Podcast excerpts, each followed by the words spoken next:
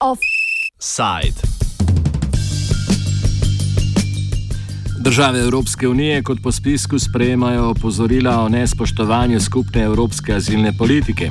Tako je Evropska komisija v septembru opozorila 19 držav o neizvajanju skupne politike, med katerimi je bila tudi Slovenija. Opozorjene države imajo težave z implementacijo direktiv o azilnih postopkih in o minimalnih standardih za podelitev azila.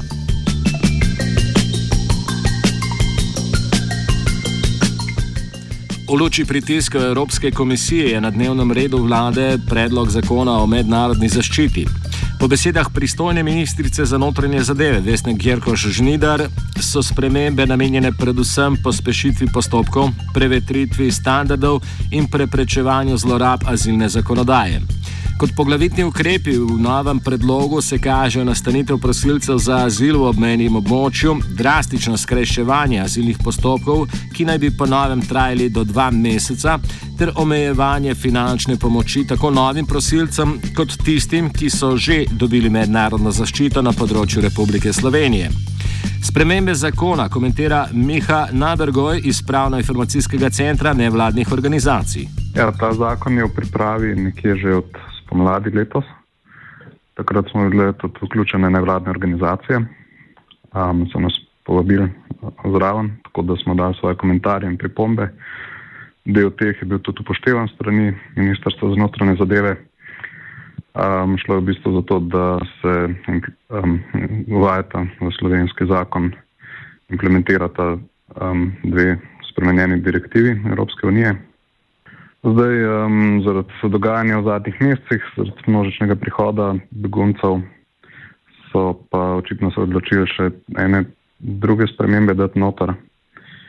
Um, dve glavni zadevi, v bistvu, ki bi jih omenil, je na eni strani zniževanje standardov um, pri integraciji za osebe s priznanim statusom, se pravi begunci, ki se jim prizna um, status mednarodne zaščite predlagano je, da, da bodo nekoliko krnjene te pravice, potem, ki jih imajo, že tako ali tako so bili ti standardi razmeroma nizki v Sloveniji, tako da bomo temu nasprotovali v nadaljem zakonodajnem postopku.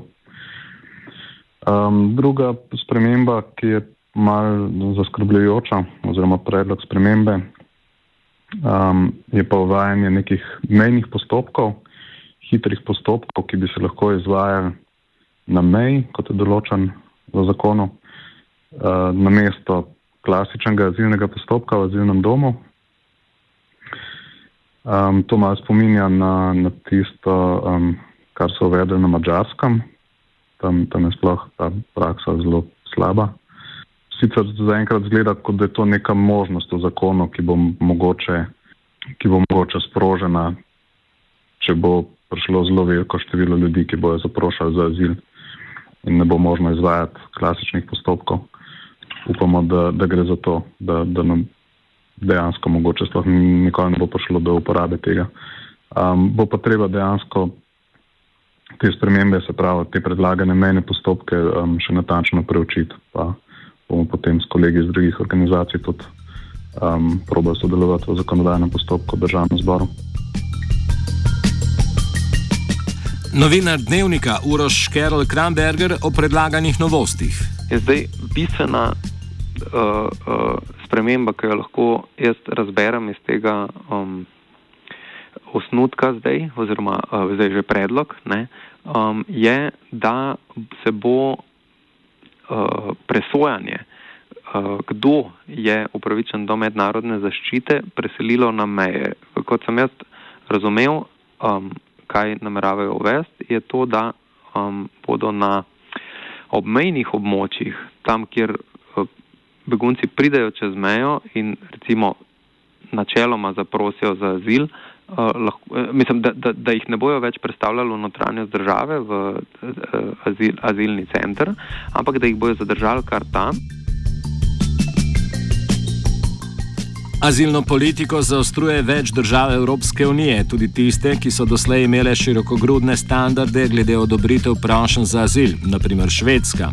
To je vplivalo tudi na naše zakonodajalce, meni Škerl.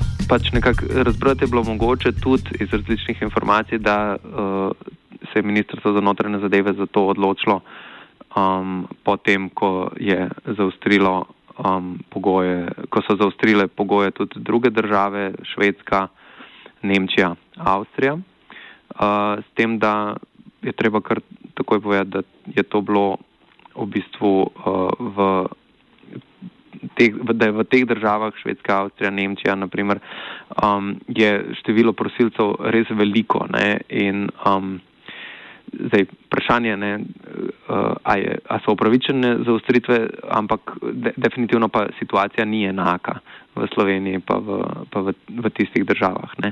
Um, no, ampak vendarle je uh, Slovenija se odločila tudi um, pravice omejiti. Sprememba tudi močno skrajša rok, v katerem mora sodišče odločiti o odobritvi prošnje za azil. Do sedaj so sodišča odločala med enim in dvema letoma, saj je prošnje potrebno obravnavati individualno, da bi bilo lahko odločanje sodišča okrnjeno in ne bi vzelo v obzir vseh dejstev, opozori Škerl.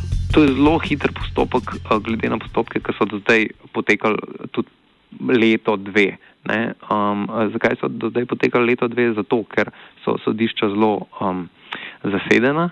Uh, uh, po drugi strani pa tudi zato, ker je treba pri vsaki taki prošnji preveriti veliko um, podatkov o recimo, državah, iz katerih prihajajo okoliščinah uh, specifičnih, ne, ki jih uh, prosilci navajajo. Pač to, to, to, so, to veljajo, te postopki uh, veljajo za kar uh, tudi pravno zapletene.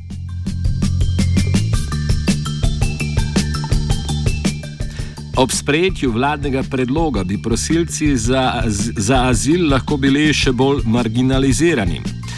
Omejeni na obmejna območja ter z minimalnimi prihodki bi se zelo težko vključili v družbo, tudi ob morebitni kasnejši odobritvi azila. Franci Zlatar, vodja programa migracije slovenske filantropije, opozarja na mogoče posledice. Manjšanje nekih socialnih pravic ne, in s tem hkrati neomogočanje nekega lažjega vključevanja, recimo v zaposlovanje ali pa neke druge oblike aktivne participacije. Ne, to mislimo, da nikamor ne bo prevedlo, prevedlo ne, ampak verjetno bo na nek način povzročilo samo to, da se bodo ti ljudje še teže integrirali, da bodo mogoče še prej poskušali zagotoviti, eh, zapustiti Slovenijo, da bojo še bolj na obrobju družbe. Ne, tako da Uh, zdaj, če že prihaja do določenih omejitev, bi hkrati moglo prihajati tudi do neke zelo aktivne, aktivnega pristopa uh, pri vključevanju.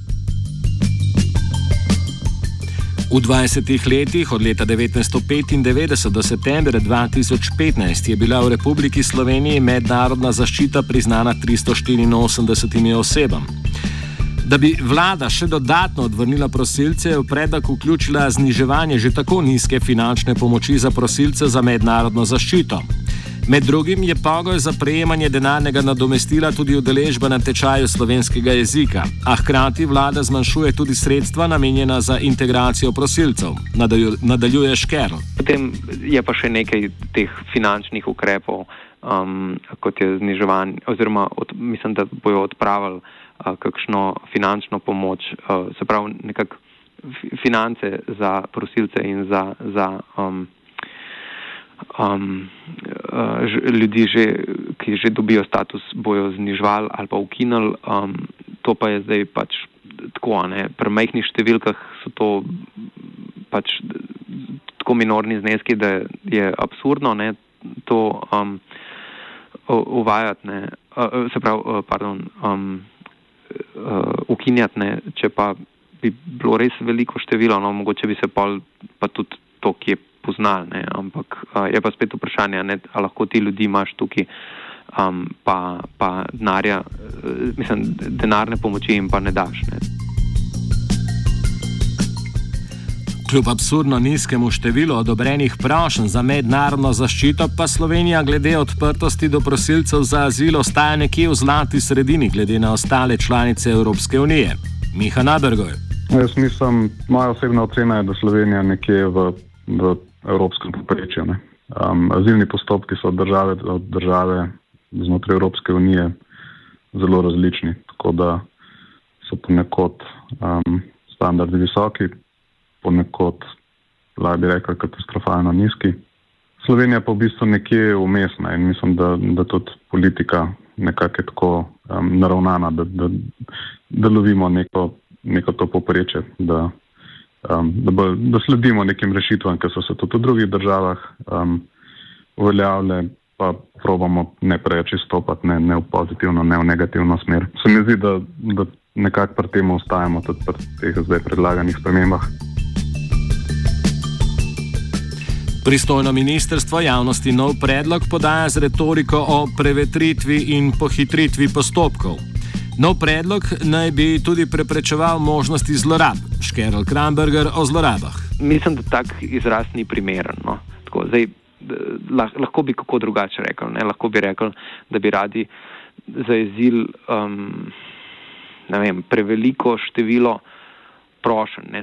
Potem bi morali pa to odkrito reči pač nočemo imeti prosilcev za azil, ne, pa bi se pa morali pogovarjati na čist drugem nivoju. Ne, ne bi se pogovarjali o zlorabah, ampak bi se pogovarjali o tem, je, mislim, kakšen je naš azilni sistem, ne, zakaj ga imamo sploh. Ne, pa, mislim, naj potem rečejo, konc koncev, da, da ga bomo ukinili, da imamo več noben model, ne, um, če, če je to cilj, ne, ki ga imajo. Um, ampak konc koncev se vprašanje tudi, če imajo ta cilj. Ne.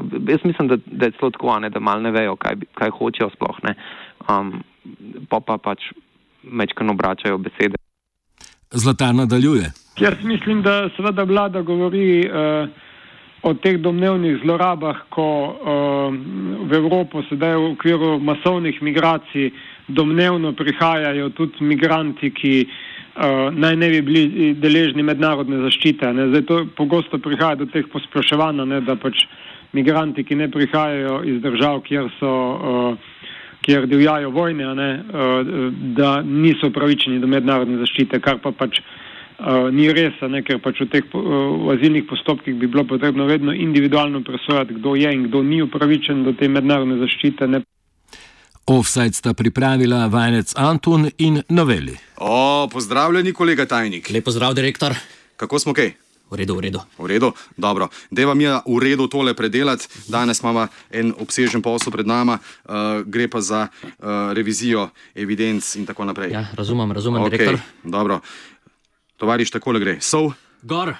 Cukor. Gor. Skret papir. Gor. Cigarete. Gor. Benzin. Gor. Kruh. Gor. Zelenjava. Gor zdravstvene usluge, Gor. kava, Gor. javni prevoz, smučarske karte, Gor. čevlji, Gor. kozmetika, Gor. knjige, Gor.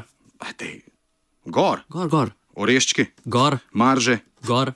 tudi, seveda, znamke, Gor. šolnine, Gor. mesni izdelki, Gor. ah, skuta, Gor. antibiotiki, ga, ga, ga, gor, ja, seveda.